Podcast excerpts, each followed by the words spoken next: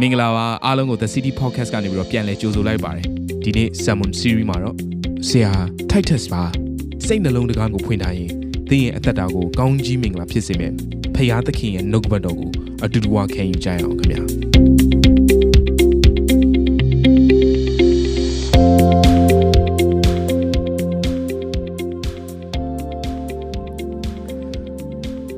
မိသားစုများ ဘုရားရဲ့မျက်မှောက်တော်ကနေအားလုံးကိုပြန်လဲကြိုဆိုပါရစေမင်္ဂလာပါလို့ဒီနေ့ကနေနှုတ်ဆက်ခြင်းနဲ့ဘုရားသခင်ရဲ့ကျမ်းမာခြင်းမိသားစုများပေါ်မှာတက်ရောက်ပါစေကျွန်တော်တို့ဒီနေ့ဘုရားသခင်ရဲ့မျက်မှောက်တော်ထဲမှာအတူတူကိုးကွယ်ရင်းနဲ့မှာနှုတ်ကပတ်တော်ကိုခံယူအောင်ကျွန်တော်ဒီနေ့ပြင်ဆင်ထားတဲ့နှုတ်ကပတ်တော်ကတော့ရွယ်ချက်ရှိသောနာကျင်ခြင်းရွယ်ချက်ရှိသောနာကျင်ခြင်း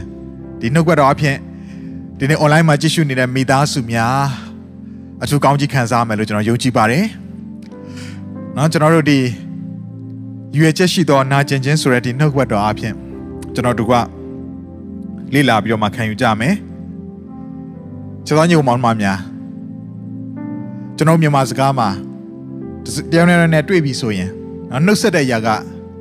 ကိုယ်စိတ်နှပြချမ်းပါပါစေ။စိတ်နှလုံးချမ်းသာခြင်းရှိပါစေ။ဒါကိုကျွန်တော်ခဏခဏနော်နှုတ်ဆက်လေးရှိတယ် စိတ်ချမ်းသာခြင်းကိုချမ်းသာခြင်းရှိပါစေဆိုတဲ့စကားလေးပေါ့ဆိုတော့လူတိုင်းမှာနော်ကျွန်တော်တို့စိတ်နှလုံးချမ်းသာခြင်းကိုလိုချင်ကြတယ်အမြဲတမ်းစိတ်ညစ်စိတ်မချမ်းမသာစိတ်ဆင်းရဲစိတ်နာကျင်ကြေကွဲရတဲ့ဘယ်သူမှမလိုချင်ကြပါဘူးအထူးသဖြင့်နာကျင်ခြင်းဆိုရဘယ်သူမှမလိုချင်ဘူးတချို့ကအသားနာတော့အရန်စိတ်တူတယ်เนาะအသားလေးနာပြီးမှနာအောင်လှုပ်လိုက်ရင်အရန်ဒေါသထွက်တယ်တချို့ကစိတ်ပိုင်းဆိုင်မှာနာကျင်ခြင်း မခံစားကျင်တဲ့ညီကောင်မောင်နှမရှိတယ်ကျွန်တော်ညီကောင်မောင်နှမများကျွန်တော်လူသားအနေနဲ့နာကျင်ခြင်းကိုဘယ်သူတယောက်ကမှလိုချင်တဲ့သူတယောက်မှမရှိပါဘူးခု online မှာကြည့်ရှုနေတဲ့သူတွေနာကျင်ခြင်းခံစားကျင်တဲ့သူရှိလားမရှိတော့ပါဘူးเนาะအားလုံးကတော့စိတ်ချမ်းသာကိုချမ်းသာနဲ့နေကျင်ကြတဲ့သူတွေကြီးပဲဖြစ်ပါတယ်အဲ့တော့လူတိုင်းကနာကျင်ခြင်းကိုလက်မခံနိုင်ဘူးဘယ်ချိန်ထိလဲဆိုတော့ဒီနာကျင်ခြင်းက ကိုယ့်အတွက်အကျိုးရှိစေမယ်ဆိုရင်တော့ဒီနာကျင်ခြင်းကကိုယ့်ရဲ့ဘဝအသက်တာတိုးတက်လာစေမယ်လို့သင်မှာရည်ရွယ်ချက်ရှိသွားတယ်ဆိုရင်ရည်မှန်းချက်ရှိသွားတယ်ဆိုရင်အကြံစီရှိသွားတယ်ဆိုရင်တော့အဲ့ဒီနာကျင်မှုကိုခြေနဲ့စွာလက်ခံတတ်တယ်အဲ့ဒီနာကျင်ခြင်းကိုကျွန်တော်တို့အစဉ်ပြေစွာနဲ့ဖြတ်ကျော်နိုင်ဖို့ရလို့ငါကြံ့ကြံ့ခံနိုင်လာတယ်ဘယ်ချိန်ကြမှာလဲရည်ရွယ်ချက်ရှိသွားမှာ ရည်မှန်းချက်ရှိသွားမှာဥပမာအဖြစ်သင်ကနော်ဂျင်မှာသွားပြီးတော့မှလေ့ကျင့်မယ်ဆိုရင် exercise လုပ်မယ်ဆိုရင်သင်မှာရည်ရွယ်ချက်ရည်မှန်းချက်မရှိဘဲနဲ့ gym ကိုရောက်သွားတယ်လေ့ကျင့်ခန်းဆင်းတယ်ဆိုရင် gym trainer ကသင်ကိုခိုင်းပါလိမ့်မယ် push up ဘယ်နှခေါက်လုပ်ရမယ်နော်အိတ်ထမတဲ့ဘယ်နှခေါက်လုပ်ရမယ်ထိုင်ထဘယ်နှခေါက်လုပ်ရမယ် ဟာကိုကပင်မန်းလာပြီလေကြွက်သားတွေနားလာပြီမောလာပြီမရခိုင်းဘူးထပ်ပြီးတော့မှလှုပ်ခိုင်းတယ်အဲ့လိုဆိုရင်တင့်မှာရီမန်းချက်မရှိဘူးဆိုရင်တင့်ရဲ့ကိုခန္ဓာကိုနာကျင်အောင်လုပ်နေတဲ့သူကို gym trainer ကိုတင်ပါဘယ်လိုထင်မလဲဟာဒီတယောက်ကငါ့ကိုတော်တော်နှိပ်စက်တာပဲဘယ်တော့ကလေးကငါ့ကိုမကျင်တတ်လည်းမသိဘူးငါ့ကိုအခွင့်အရေးရတော့ငါ့ကိုတော်တော်နှိပ်စက်နေတာပဲလို့တင်ကတင့်ကို train ပေးနေတဲ့သူကိုအမြင်လွဲလာတော့မယ်တင်စိတ်တူလာလိမ့်မယ်မချင်မနှက်ဖြစ်လာလိမ့်မယ် ဒါပေမဲ့သင်ရဲ့အမြင်ပြောင်းသွားမယ်ဒီ gym train ခြင်းကငါလေ့ကျင့်ခန်းလုပ်နေတာကငါရဲ့ trainer ကငါ့ကိုလေ့ကျင့်ပေးနေတာကငါရဲ့ကိုယ်ခန္ဓာတာ၍ကြစ်လက်လှပပြီးကိုယ်ခန္ဓာကျမ်းမာပြီးတော့မှကြွက်သားတွေလှပလာဖို့လှုပ်ဆောင်နေတာဖြစ်တယ်နောက်3လကြာရင်နောက်နှစ်လကြာရင်ငါရဲ့ကိုယ်ခန္ဓာပုံစံကပြောင်းလဲသွားတော့မယ်ပို့ပြီးလှလာမယ်ပို့ပြီးတော့မှကျမ်းမာလာမယ်ပို့ပြီးတော့မှကြွက်သားတွေဖွံ့ဖြိုးလာမယ်လို့ သင်မှာမျှော်လင့်ချက်ရည်ရွယ်ချက်ရည်မှန်းချက်ရှိသွားတယ်ဆိုရင်ယခုခံစားနေရတဲ့ပင်ပန်းဝေပင်ပန်းခြင်းဝေဒနာကိုသင်ဘာဖြစ်သွားမလဲကြံ့ကြံ့ခံလာနိုင်တယ်သင်ကို train ပေးနေသူအပြစ်မမြင်ဘဲနဲ့သူ့ကိုယ်တော်ဂျေစုတင်နေလိမ့်မယ်ဘာကြောင့်လဲဒီ trainer ငါ့ကိုဂယုတစိုက်နဲ့တေချာကြက်ကြက်မမတ်နဲ့ train ပေးတယ်ဒါကြောင့်ငါမကြခင်မှာငါကိုယ်ခန္ဓာမှာလှပတဲ့ကြော်သားတွေထွက်လာတော့မယ်ငါကိုယ်ခန္ဓာချမ်းမာလာတော့ငါကိုယ်ခန္ဓာကြက်လက်လာတော့မယ်ဆိုပြီးတော့မှပို့ပြီးတော့မှသူ့ကိုဂျေစုတင်သွားမယ်ဘာခွာသွားလဲညီကိုမောင်မတို့ ရည်ရွယ်ချက်ရှိခြင်းနဲ့ရရည်ရွယ်ချက်မရှိခြင်းကကွာသွားတယ်။ဒါကြောင့်တချို့ကနာကျင်မှုပေါ်မှာညှိတွားပြစ်တင်ဝေဖန်ပြီးတော့မှမချေမနှက်ဖြစ်နေတာဘာကြောင့်လဲဆိုရင်ရည်ရွယ်ချက်သဘောမပေါက်လို့ရည်ရွယ်ချက်မရှိဘဲနဲ့ငါခံစားနေရတယ်လို့ထင်လို့တချို့သောသူတွေကဘလောက်ပဲကြမ်းကြမ်းတမ်းတမ်းခံစားပါလိမ့်စေနာကျင်မှုတွေခံစားပါလိမ့်စေသူကအပြုံးမပြတ်ဖဲနဲ့ကြော်ဖြတ်နိုင်တယ်ဘာကြောင့်လဲဒီနာကျင်မှုတွေနောက်ွယ်မှာသူရောက်မဲ့ပန်းတိုင်ကိုကြိုပြီးမြင်ထားလို့ ဟာလေလုယရည်ရွယ်ချက်ရှိထားလို့ငါဒါပြီးရင်တော့ဒီနာကျင်ခြင်းပြီးရင်တော့ငါဘယ်ကိုရောက်မလဲဆိုတော့ तू ကောင်းကောင်းသိနေလို့ပင်ပန်းမှုဝေဒနာကို तू ခံစားနိုင်တာနာကျင်ခြင်းဝေဒနာကို तू ကြော်ဖြတ်နိုင်တာဖြစ်တယ်ညီကောင်မတို့ချစ်တော်ညီကောင်မတို့ကျွန်တော်တို့တွေ့ကြုံခံစားနေရတဲ့ဒုက္ခဆင်းရဲခြင်းထဲမှာကျွန်တော်နှလုံးသားတွေနာကျင်ရတဲ့အရာတွေရှိလိမ့်မယ်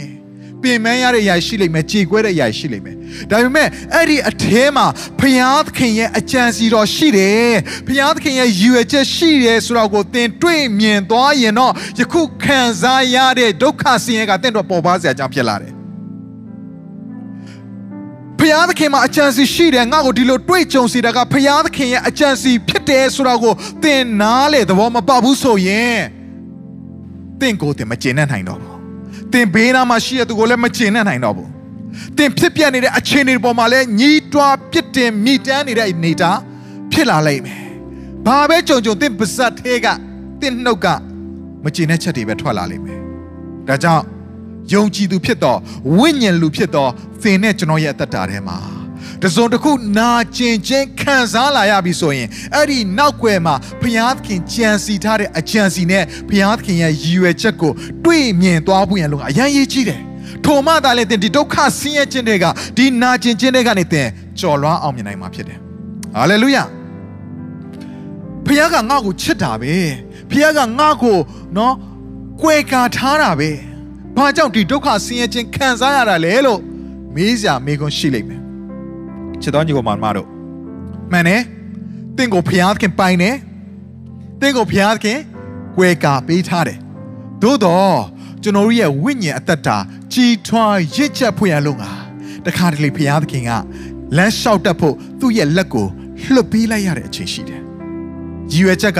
တင်လမ်းလျှောက်တတ်ဖို့ယုံကြည်ခြင်းခြေလမ်းလှမ်းလာတတ်ဖို့ရင့်ကျက်လာဖို့တိုးတက်လာဖို့ရန်လို့ငါဖျားသခင်က တင်းရဲ့လက်ကိုလွှတ်လိုက်တယ်အဲ့ချိန်မှာတင်နာကျင်ရတယ်တင်ကြေခွဲရတယ်ဒါပေမဲ့အဲ့ဒါဘာကြောင့်လဲဖျားမှာရွယ်ချက်ရှိလို့မှန်တယ်ဖျားသခင်တင်းကိုခြေချော်ခွင့်မပေးဘူးကျမ်းစာထဲမှာဘယ်လိုတောင်ရေးထားလဲသိလားခွေးတကောင်ကမြဟိခွင့်မရှိဘူးတဲ့ဖျားသခင်ရဲ့လူကိုခွေးတကောင်ကတော့လာဟောင်ခွင့်မရှိဘူး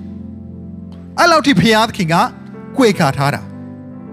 ဒါဆိုဘာကြောင့်ကျွန်တော်ရဲ့အသက်တာထဲမှာ အဆက်ကွဲခြင်းအကျိုးနေခြင်းချီခွဲဝမ်းနေခြင်းနာကျင်ခြင်းတွေကြုံရတာလေအဲ့ဒါဘာကြောင့်ဖြစ်တာလဲဖျားသခင်တခါတည်းမှာစာတန်ကိုအခွင့်ပေးလိုက်တာရှိတယ်ဘာကြောင့်လဲကျွန်တော်တို့ကိုအကျိုးပြတ်သွားစေဖို့ပြိုလဲသွားစေဖို့အသက်တာဆုံးရှုံးသွားဖို့ရလို့ငါဘုရားသခင်လှုပ်ဆောင်တာမဟုတ်ပါဘူးကျွန်တော်ရဲ့ဘဝတတာတာ၍လှပလာဖို့တင့်တယ်လာဖို့ အတရေရှိလာဖို့ရင့်ကျက်လာဖို့ဒီနှလုံးသားကျယ်ဝန်းလာဖို့ရလို့ငါဘုရားသခင်အခွင့်ပေးလိုက်တဲ့အချိန်တွေရှိတယ်အဲ့ခါမျိုးကြရင်တော့နာကျင်ခြင်းကအဆုလိုက်ပြုံလိုက်လျောက်လာတတ်တယ်အဲ့တော့အဲ့ဒီအကြောင်းအရာကိုဒီတိုင်းနားထောင်တော့တင်သိအဆင်ပြေမှာမဟုတ်ဒါပေမဲ့ကျွန်တော်ကျမ်းစာလေးတစ်ချက်ဖတ်ကြည့်အောင်အဲ့ဒီကျမ်းစာတွေကအခြေအနေကိုကျွန်တော်တို့လေ့လာသွားမယ်ဆိုရင်သင်ဘုရားသခင်ရဲ့ရည်ရွယ်ချက်ကိုသဘောပေါက်သွားမှာဖြစ်တယ်နော်ကျွန်တော်တို့ကျမ်းစာတစ်ချက်ကိုအတူတကွဖတ်ကြည့်အောင် လူကအခန်းကြီး20နဲ့အငယ်31ကိုအရင်ဖတ်ခြင်းနဲ့တပန်သခင်ဖျားကရှိမုံရှိမုံဂျုံဆန်ကို စကားနဲ့ချတဲ့ကဲ့သို့စာရန်သည်တင်တို့ကိုချမြေကြောင်းအခွင့်တောင်းသည်ဖြစ်၍ဒီနေရာမှာယေရှုကပေတရုကိုပြောပါတယ်ယေရှုကပေတရုကိုခေါ်တဲ့နာမည်ကဒီနေရာမှာပေတရုလို့မခေါ်ဘူးရှိမုံရှိမုံလို့ခေါ်တယ် ဒီຢာလေးမှာထူးခြားတဲ့ຢာလေးရှိတယ်ဘာကြောင့်ပေတရုလို့မခေါ်တာလဲဘာကြောင့်ရှိမုံလို့ခေါ်တာလဲယေရှုခရစ်တော်ဒီပေတရုကိုစကားပြောတိုင်းမှာသူ့ရဲ့အသက်တာသူ့ရဲ့အခြေအနေသူဖြစ်လာမဲ့အလားအလာကိုကြည့်ပြီးအမြဲတမ်းသူ့ရဲ့နာမည်ကိုပြောင်းခေါ်လေးရှိတယ်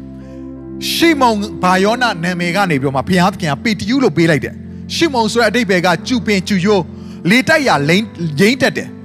နော် လေကညာဘက်တိုင်းဟိုဘက်ကိုရင်သွားတယ်ဘယ်ဘက်တိုင်းဟိုဘက်ကိုရင်သွားတယ်လေတိုက်ရရင်တက်တဲ့လှုပ်ရှားခြင်းရှိတဲ့လုံးဝတီကြည်ခြင်းမရှိတတ်သောသူလို့အတိတ်ပဲရတယ်ရှီမုန်ဆိုတာကအဲ့ဒီယာကိုယေရှုခရစ်တော်ကဘာပြောင်းလိုက်လဲပီတာပက်ထရိုစ်ကြောက်ကြောက်ဆိုတာကခိုင်ခန့်နဲ့ရိမ့်ရိုင်ခြင်းမရှိဘူးမုံတိုင်းဘလောက်လာလာခိုင်ခန့်နေတဲ့ကြောက်ဆောင်ဖြစ်တယ်ကြောက်ဖြစ်တယ်ကြောက်တုံးဖြစ်တယ်ဖခင်ကနာမည်ပြောင်းပေးလိုက်တယ်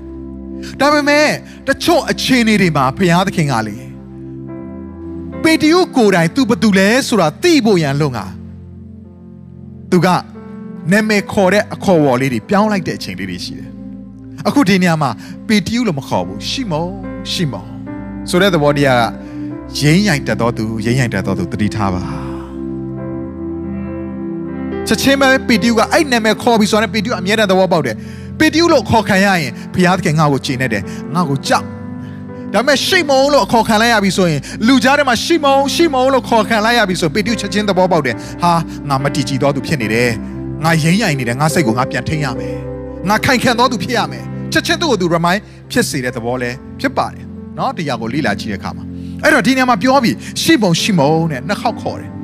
ဂျုံဆန်ကိုစကားနဲ့ခါချတဲ့ကဲ့သို့စာရန်ဒီတင်တို့ကို ဒီကရှိမုံတွေမကတော့ပေတရုတွေမကတော့အဖွဲလိုက်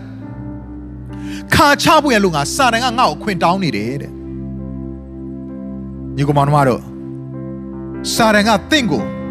လာရောက်ထိခိုက်ဖို့ရလို့ငါသူ့စိတ်သဘောနဲ့သူ့လှုပ်ချင်တိုင်းလာလှုပ်လို့မရဘူးမှန်တယ်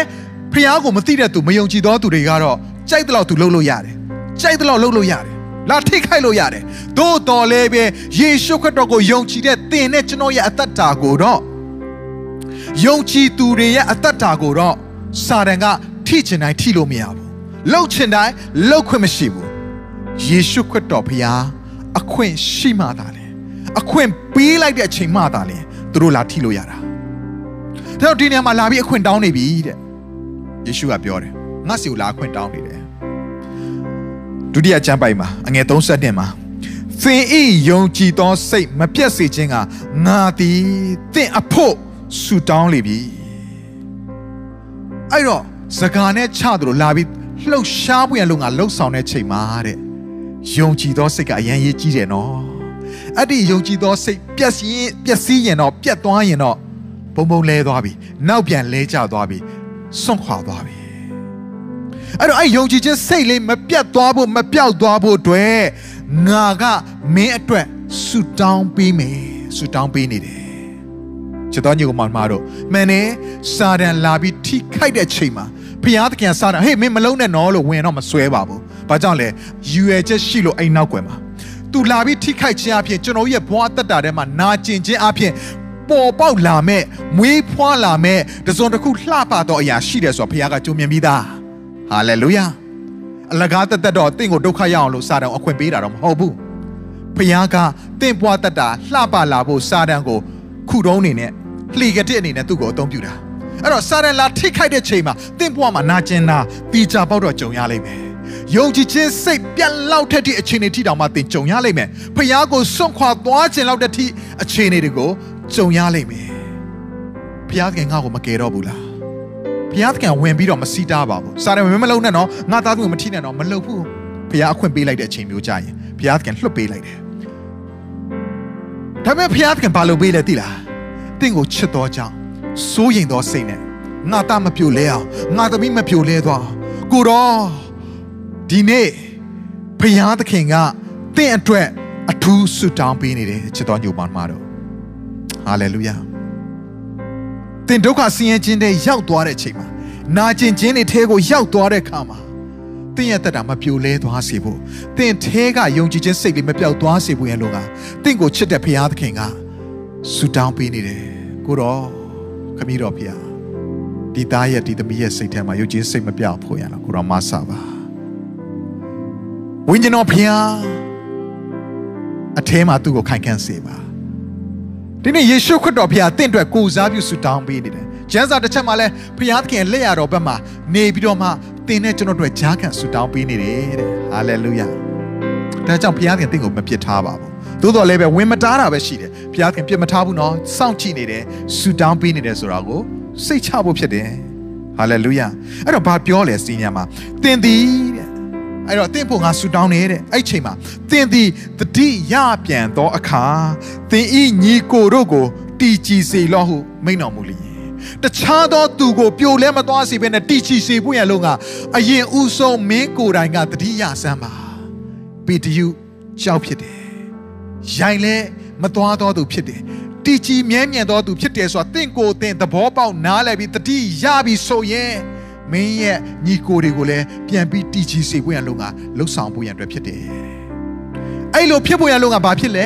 ယုံကြည်ခြင်းစိတ်ရှိနေဖို့လိုအပ်တယ် ဘုရားသခင်ငါတို့ကိုဘယ်တော့မှမစွန့်ပစ်ဘူးဘုရားသခင်ငါတို့ကိုချစ်နေတယ်ဘုရားသခင်ငါတို့ကိုအကျိုးနည်းစေခြင်းကကြံစီတာမဟုတ်ဘူးငါတို့ကောင်းဖို့အတွက်ကြံစီနေတယ်ဆိုတော့ယုံကြည်ခြင်းစိတ်ရှိနေသေးတယ်ဆိုရင်သင်ဒီပြိုလဲတော်သူမဟုတ်ဘဲနဲ့တည်ကြည်တော်သူဖြစ်ရလိမ့်မယ်အဲ့ဒီအပြင်သာမကဘဲနဲ့သင်ဘေးနားမှာလဲပြိုနေတော်သူကိုသင်ရဲ့ယုံကြည်ခြင်းစိတ်နဲ့သူတို့ကိုပြန်လဲထူမပြီးတဲ့ခါမှာသူတို့ဒီလေတည်ကြည်နိုင်ရတော့အခွင့်ကိုရလိမ့်မယ်လို့ဒီနေရာမှာဘုရားကပြောတယ်ချစ်တော်ညီကိုမောင်နှမတို့ဒီနေ့ဘုရားသခင်ကလေအဲ့ဒီနာကျင်ခြင်းကို သူတစ်ပါးအတွက်ကောင်းချီးဖြစ်စေဖို့ရန်လို့ကသင်္တရာထဲမှာတစ်ခါတည်းမှာအခွင့်ပေးလိုက်တဲ့ချိန်တွေရှိတယ်ဘုရားသခင်လှုပ်လှုပ်တဲ့ပုံစံကလေ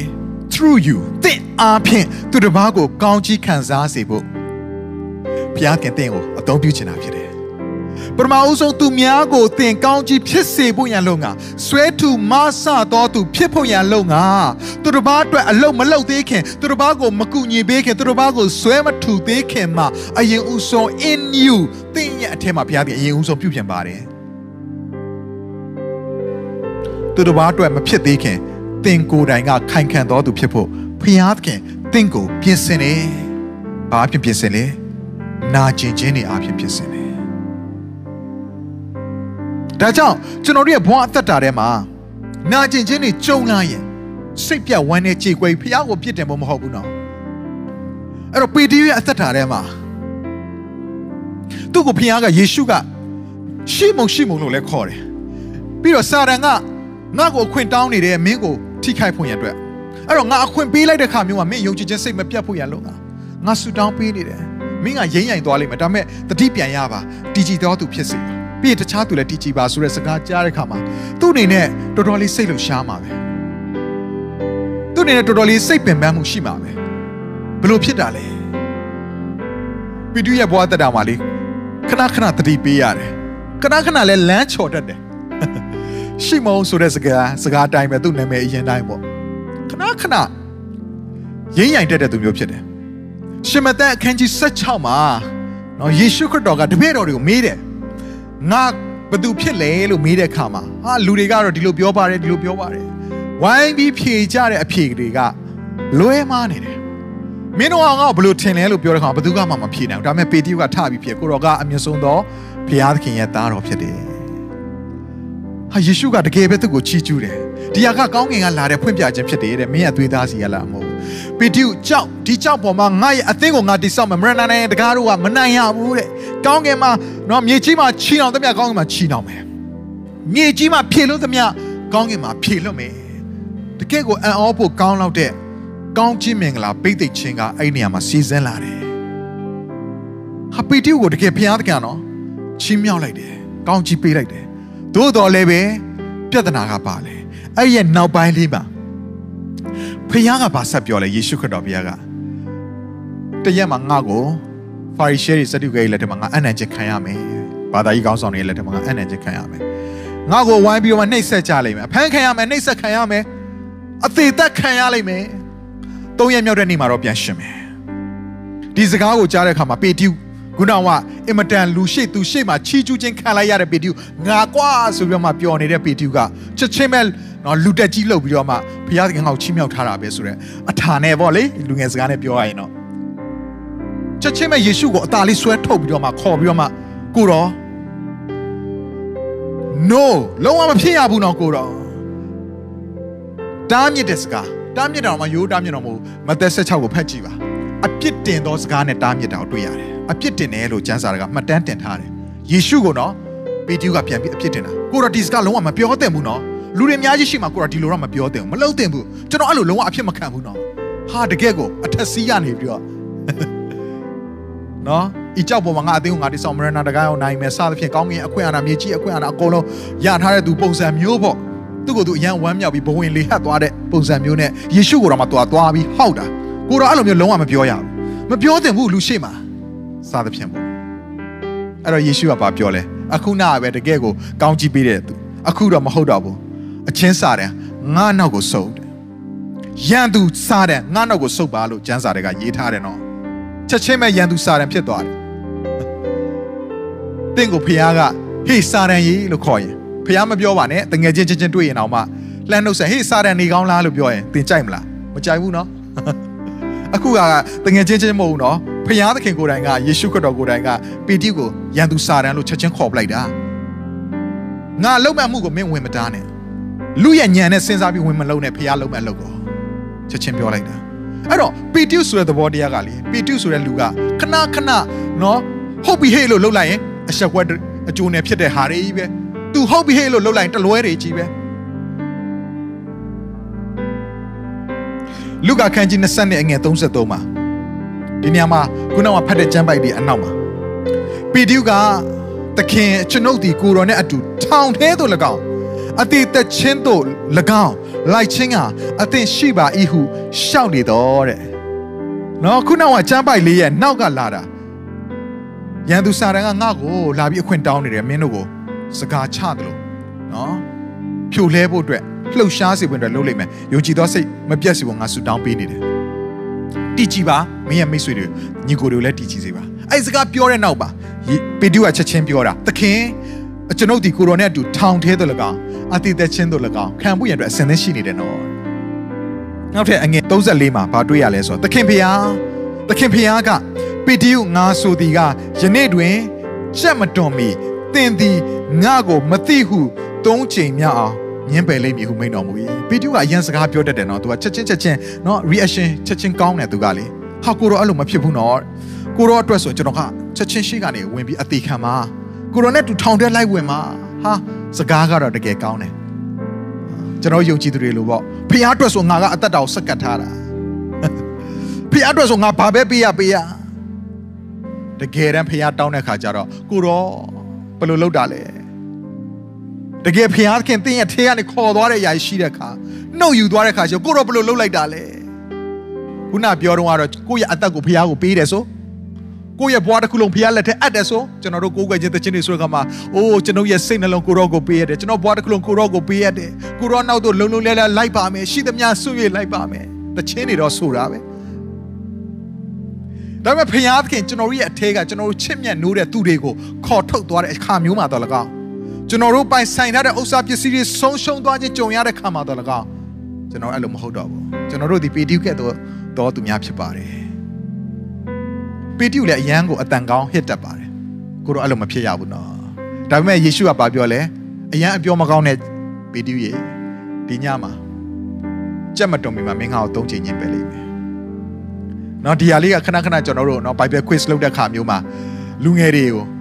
အစီအစဉ်မှာတော့တော့ကျွန်တော်တရားဟောတဲ့ခါမှာခဏခဏကျွန်တော်မေးတတ်တယ်နော်ထောင်ချောက်စင်တဲ့မိကုန်းပေါ့ခဏခဏမေးတယ်မေးတိုင်းလည်းအဖြေမှားတယ်နော်ယေရှုခရစ်တော်ပေတိကိုမငင်းပယ်ခင်မှာကြက်ပနဲ့ချိန်တွန်လဲလို့ပြောရင် online မှာရှိတဲ့သူဖြည့်ကြည့်ပါကြက်ပနဲ့ချိန်တွန်လဲတချို့တချို့ကဖြေလိုက်မယ်၃ချိန်တွန်တယ်ဒီနေရာမှာကျွန်တော်ရှိမှမရှိတဲ့အတွက်ကြောင့်ကျွန်တော်မကြားရဘူးသို့တော်လည်းပဲနော်အဲ့လို၃ချိန်တွန်တယ်လို့ပြောတဲ့သူရှိတယ် ကြက်က၃ချိန်တွန်တာမဟုတ်ဘူးပီတိ၃ချိန်ညင်းပြီးမှကြက်ကတစ်ချိန်ပဲတွန်တာနော်ခဏခဏအဲ့ဒါခံရတာ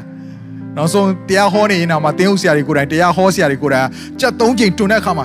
ပေတုကယေရှုကိုညင်းပယ်တယ်မဟုတ်ဘူးပေတု၃ချိန်ညင်းပယ်ပြီးမှကြက်ကတွန်တာတစ်ချိန်ပဲဘာပဲဖြစ်ဖြစ်ပေတုညင်းပယ်မယ်ဆိုတဲ့အရာကိုယေရှုကကြိုပြီးပြောတယ်ဆိုတဲ့ဘောတရားစာတန်ကဝင်ပြီးလှုပ်ရှားပြန်လို့က သူလှုပ်တော့မယ်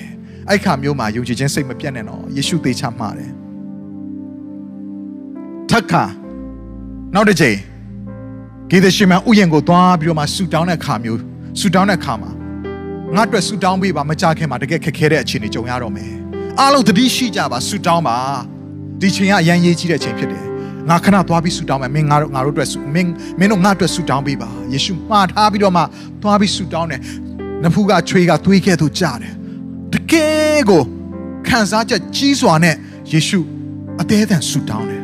သူပြန်လာတဲ့ချိန်မှာခုနကအတန်ကောင်းဟစ်တဲ့ပေတျုနဲ့အုပ်စုတွေအကုန်လုံးကခရူခရောနဲ့အိမ်မောကြနေတယ်နိုးပြီးပြောတယ်ယေရှုကငါတို့ဆုမတောင်းပေးဘူးလားဒီလောက်အရေးကြီးတဲ့အချိန်မှာပေတျုဆိုတဲ့သူကလေတော်တော်စကားပြောကောင်းတာအခုလည်းပါပြောလဲသိလားကိုတော်ရေးတဲ့စိတ်မူကစေတနာရှိညာတော်လဲကိုမူကအားနေတယ် နော်ဖြေဖြေလိုက်တဲ့အဖြေလေးအရန်ကိုသဘောကျစရာကောင်းတယ်စိတ်ကအရန်စေနာရှိတာနော်ကိုတော်အတွက်ဆိုရင်ဟာဘလို့ပဲဖြစ်ဖြစ်ကျွန်တော်ဆူတောင်းပေးချင်တာနော်ဒါပေမဲ့လေဒီနေ့တနေ့ကုန်ပင်မနဲ့ကိုခန္ဓာအားနေလို့အိပ်ပျော်သွားတာစင်ကြေရန်ကောင်းတယ်အဲ့ဒီညမှာပဲလာပြီယောမစစ်သားတွေရောက်လာတဲ့ခါမှာအုပ်စုလိုက်ရောက်လာပြီးတော့မှဖမ်းဖို့လုပ်တဲ့ခါမှာပီတိဘာလုပ်လဲကိုတော့အတွက်ဆိုရင်ကျွန်တော်နော်အသက်ပဲတေရတေရထောင်ထဲပဲဝင်ရဝင်ရသူပြောထားတာ哦အဲ့တော့ဒီချိန်မှာလည်း तू ကထပြီးတော့မှ ဘာလုပ်လဲစတားကိုဆွဲထုတ်ပြီးတော့မှအာရပါရဝင်ခုတ်တာဒါပေမဲ့ပီတိဆိုတဲ့သူကလေအမြဲတမ်းလှုပ်တိုင်းတလွဲလှုပ်တတ်တာအခုလည်းပဲဝင်ပြီးခုတ်တာခုတ်ရင်ခေါင်းကိုပြတ်အောင်ခုတ်ရမှာပေါ့မဟုတ်ဘူးအခုကနေရွယ်တဲ့ကြည့်ထက်ကလွဲသွားတယ်ခုတ်လိုက်တဲ့အရာကလွဲချော်ပြီးနားကိုပဲထိတယ်ခေါင်းကိုမထိဘူးလှုပ်တော့လှုပ်ပါရဲ့ဒါမဲ့တလွဲဖြစ်တယ်ယေရှုကဟေးအဲ့လိုတော့မလုံနဲ့လေညင်ဝတ်စွာနေပါ ပင်နာလည်းနေရွက်ပင်နာကြာသွားလဲလိုက်ရှာပြီးတော့နေရွက်ကိုပြန်ပြီးတက်ပေးပြီးတော့မှဆူတောင်းပြီးတော့ပြန်ပြီးနေရွက်ကနော်ပြန်ဆက်သွားပြီးတော့မှကျမ်းမာသွားတယ်အဲ့တော့ယေရှုခရစ်တော်အဖမ်းခံရတဲ့ချိန်မှာပေတိအဝေးကနေထွက်ပြေးရတယ်ထွက်ပြေးပြီးအဝေးကနေအလွန်ဝေးတဲ့နေရာကနေလိုက်တယ်လို့ကျမ်းစာကမှတ်တမ်းတင်ထားတယ်အနီးကမနေရတော့ပရမပြောတာတော့အတူထောင်ထဲဝင်ဖို့အခုတော့မဟုတ်တော့အဝေးကနေပဲအစင်ပြေရလားသူလည်းလွတ်အောင်နော်လိုက်လဲချောင်းကျင်သေးတယ်သူကလည်းကြောက်လဲကြောက်သေးတယ် ဒီလိုလူမျိုးအဲ့တော့ယေရှုပြောခဲ့သလိုပဲတနေရာပြီးတနေရာတနေရာပြီးတနေရာသုံးချိန်တိုင်တိုင်တယောက်ကမေးတယ်မင်းကတပည့်ဟုတ်တယ်မလားဒီယေရှုရဲ့တပည့်ဟုတ်တယ်မလားဟာကျွန်တော်နဲ့မဆိုင်ဘူးကျွန်တော်မသိဘူးကျွန်တော်သူ့ကိုလုံးဝမသိဘူးငင်းခဲ့တာသုံးချိန်ပြည့်တဲ့ခါမှာကြက်တော်လာပြီယေရှုကသူ့ကိုလှမ်းကြည့်တယ်ကျမ်းစာလေးဖတ်ရအောင်အငယ်60မှာပေတျုကအချင်းလူ သင်ပြောသောအရာကိုငါမသိဟုဆို၏ထိုစကားကိုပြောသောခဏချင်းတွင်ကြက်တော်လေ၏အငယ်61ထိုခါသခင်ဖျားသည်လှဲ့၍ပေတျုကိုကြည်တော်မူ၏ကြက်မတော်မီတင်သည်သုံးချိန်မြောက်အောင်ငါကိုညင်းပယ်လိမ့်မည်ဟုမိန့်တော်မူသောစကားကိုပေတျုသည်တတိယသဖြင့်အဲ့မှာပေတျုတတိယသွားပြီယေရှုရဲ့အကြည့်ထဲမှာယေရှုလှည့်ကြည့်လိုက်တဲ့အကြည့်ထဲမှာ စကလုံးပေါင်းမြောင်များစွာပါသွားပြီအတိတ်ပဲတွေမြောင်များစွာပါသွားပြီအဲ့ဒီအမြင်အဲ့ဒီအကြည့်ကိုပေတျုတွေးလိုက်တာနဲ့ငါသွားပြီဟုတ်တယ်ငါညင်းပယ်မိပြီအငယ်62မှာအပြင်သို့ထွက်၍ပြင်းစွာငိုကြွေးလေ၏တဲ့သူ့ရဲ့ရင်ထဲမှာမခံစားနိုင်လောက်အောင်ကိုနာကျင်ခြင်းဖြစ်လာတယ် ခြေခွဲဝမ်းနေခြင်းဖြစ်လာတယ်ယူကျုံးမရဖြစ်လာတယ်ငါရဲ့ဖះကိုငါစိတ်ပြက်စေခဲ့ပြီငါရဲ့သခင်ကိုငါစိတ်ပြက်စေခဲ့ပြီငါအတုံးမချဘူးငါတပည့်တယောက်မဖြစ်သင့်ဘူးငါဒီလောက်ထိတော့အပြောထားပြီးကမှဒီလောက်ထိရဲရင်ရှိနေပြီးကမှအခုငါတရေဘောကြောင်မိပြီငါတတ်တိမရှိရသူအယံကိုနာကျင်ကြေကွဲခြင်းဝမ်းနေခြင်းနဲ့အဲ့ဒီအရက်ကနေသူထွက်သွားတယ်ယေရှုရဲ့အသေးခံခြင်းကိုသူကြားရတယ်သူဝမ်းနဲ့ပက်လက်နဲ့ဘလောက်တောင်နာကျင်တယ်လဲ ဘလောက်တောင် तू ခံစားသွားရတယ်လဲသူ့ကို तू မထိုက်တန်တော့ तू ဘူးလို့ तू ခံစားရလုံးတဲ့အခါမှာ तू ဘာလုပ်လဲငကိုငါဖမ်းပြီးတော့မှအသက်မွေးဝမ်းကြောင်းပြုတဲ့တငါတဲ့အလုပ်ကိုပြန်လုပ်တယ်ယေရှုမသက်အခန်းကြီး16မှာပြောခဲ့တဲ့ငါအသင်းကိုငါတိဆောက်မယ်မရဏနိုင်ငံတကားတို့ကမနိုင်ရဘူးအဲ့ဒီဂတိတော်စကားအဲ့ဒီ prophet ပြုချက်စကားအဲ့ဒီပိတ်သိက်ကို तू ဘာမှ လက်မခံနိုင်တော့ဘူးသူစိတ်ထဲမှာငါမလုပ်ခဲ့တဲ့ဘူးငါမပြောခဲ့တဲ့ဘူးငါရှောင်မထွက်သွားခဲ့တဲ့ဘူးငါကိုဒီလောက်ယေရှုကချစ်ရတာနဲ့ငါဘက်ကဒါလေးတောင်ပြန်မပေးဆက်နိုင်ခဲ့ဘူးသူ့ကိုသူယူကျုံမရဖြစ်တယ်အချင်းတွေပေါ်မှာယူကျုံမရဖြစ်တယ်တနှုံနှုံနဲ့သူ့ရဲ့ရင်ထဲမှာခံစားရတယ်ငကိုအလုတ်ကိုပဲသူလှုပ်ပြီးတော့မှငကိုအလုတ်လှုပ်နေပြီမဲ့သူ့ရဲ့စိတ်ထဲမှာတမြင့်မြင့်လောင်ကျွမ်းပြီးနာကျင်ခြေကွဲဝမ်းနေခြင်းနဲ့ဖြတ်ကျော်ရတယ် အဲ့ချိန်မှာယေရှုရောက်မလာပါဘူး။ तू နာကျင်တဲ့အချိန်ကာလ तू ဖြတ်တန်းခဲ့ရတယ်။ဖြတ်တန်းနေရတယ်။ဒါပေမဲ့ဖခင်ကဝင်ပြီးတော့မှသူ့ကိုမနှင်းသိမ့်သေးဘူး။ဒီတိုင်းပဲလွတ်ထားလိုက်တယ်။ချစ်တော်ညီကောင်မောင်တို့အများဒီလိုခံစားချက်မျိုးသင်ခံစားဖို့မှာပါ။ဒီလိုနာကျင်မှုမျိုးသင်ဘဝမှာခံစားဖို့မှာပါ။အဲ့ဒီအချိန်မျိုးမှာဘုရားခင်ဘယ်ရောက်နေသလဲ။သင်တွေးမိပါလိမ့်မယ်။ဆူတောင်းတဲ့ခါမှာလည်းပဲဆူတောင်းခြင်းအဖြေမရသလိုသင်ခံစားရလိမ့်မယ်ဖခင်ကငါ့ကိုဂရုမစိုက်တော့ဘူးလား သင်ဘဝအသက်တာထဲမှာဒီလိုမျိုးခံစားချက်တွေရှိလိမ့်မယ်အခုပေတိကိုအရန်ခြေခွဲဝမ်းနေပြီးတော့မှနောင်တရယူချုံမရဖြစ်နေတဲ့အချိန်မှာဘုရားသခင်ဘယ်ရောက်နေလဲသူ့ကိုနှစ်သိမ့်ပေးမဲ့သူတယောက်လေးတောင်မရှိဘူးချစ်တော်ညီကောင်မတို့အဲ့ဒီနောက်ွယ်မှာရည်ရွယ်ချက်ရှိတယ်အကြံစီရှိတယ် တင့်ကိုဒီနာကျင်ခြင်းထဲမှာခဏထဲလိုက်တဲ့အချိန်တွင်းမှာတယောက်ကမှတင့်ကိုနှစ်သိမ့်မဲ့သူမရှိဘဲနဲ့တင်ခြေခွဲဝမ်းနေဆိုတာတယောက်တည်းဝမ်းနေပက်လက်နဲ့ဘယ်သူမှကယ်မဲ့သူမရှိဘယ်သူမှကူမဲ့သူမရှိဘယ်သူမှခံစားချက်ကိုဝေမျှမဲ့သူမရှိဖခင်သခင်ကိုအော်ဟစ်တော့လဲဖခင်သခင်စီကဘာတန်မှမလားဘာမှမကြားရဘုရားသခင်ငါရဲ့အဝေးမှာရှိနေပြီလားဘုရားသခင်ငါ့ကိုဆွန့်ပစ်သွားပြီလားလို့တော့မှခံစားရတဲ့အခြေအနေမျိုးကိုဘုရားသခင်တမင်တကာတင့်ကိုရွေချက်ရှိရှိနဲ့ပေးတွေ့ပါတယ်အဲ့ဒီမျိုးဘုရားသခင်ကလေနာကျင်ခြင်းကို package လိုက်ကိုပြင်ထားတာရှိတယ် ပေတရုခြေခွဲဝမ်းနေမှုနာကျင်မှုယူကျုံမရမှုတွေနဲ့ဖြတ်ကျော်ပြီးမြဲအဲ့ဒီဖြတ်ကျော်ခြင်းရဲ့အချိန်ကာလတစ်ခုရောက်လာတဲ့ခါမှာဘုရားသခင်ဝင်မလာပေမဲ့ဖြတ်ကျော်ပြီးသွားတဲ့အချိန်ကာလတစုံတစ်ခုသောအချိန်ကာလရောက်လာတဲ့ခါမှာတော့ယေရှုခရစ်တော်ဘုရားကိုယ်တိုင်သူ့စီကိုရောက်လာပြီယေရှုခရစ်တော်ရောက်လာတဲ့အချိန်မှာသူ့ရဲ့အသက်တာထဲမှာနောင်တတွေနဲ့အစဉ်သင်းဖြစ်နေပြီဒီချိန်မှာငါရဲ့သခင်ပြန်ပြီးတွေ့ရရင်တော့သူဘာပဲခိုင်းခိုင်းငါအကောင်းဆုံးလုပ်မယ် သူ့ရဲ့အနာကဘယ်တော့မှဆွန့်ခွာမသွားတော့ဘူးနောက်ဆုံးငါရဲ့သခင်ငါ့ကိုစူရင်ဆဲရင်တော့မှငါဝမ်းမြောက်စွာခံယူမယ်ငါကြည်နဲ့စွာခံယူမယ်ငါအဲ့လိုခံယူဖို့ရအတွက်ထိုက်တန်တော်သူဖြစ်တယ်သူ့ရဲ့နှလုံးသားထဲမှာနောင်တအပြည့်နဲ့ဖျားအတွက်နှလုံးသားကအစင်သင်းဖြစ်နေပြီယေရှုခရစ်တော်ရောက်လာတယ်ရောက်လာတဲ့ခါမှာကျွန်တော်တို့သာယေရှုခရစ်တော်နေရာမှာဆိုရင်တော့ပေတိလာခဲ့အောင်လာခဲ့အောင်လာခဲ့အောင်အေးအခုမင်းစီငါရောက်လာပြီမင်းဟိုတုန်းကလှုပ်သွားတဲ့အကိစ္စမင်းမှတ်ပြီလား ကျွန်တော်တို့သာဆိုရင်တော့ကောင်းကောင်းပေတိကိုလေတော်တော်လေးကိုပြောမှာမင်းကွာငါမှာတော့သုံးနှစ်ခွဲလုံးလုံးပြုစုလိုက်ရတာမင်းကိုချစ်လိုက်ရတာမင်းကိုလေ့ကျင့်ပေးခဲ့လိုက်ရတာမင်းတို့ငါရက်တီပေးခဲ့လိုက်ရတာငါဒုက္ခရောက်ချင်တော့မင်းထွက်ပြေးတယ်ကွာငါနဲ့ခင်မင်ရင်းနှီးမှုတော့မှ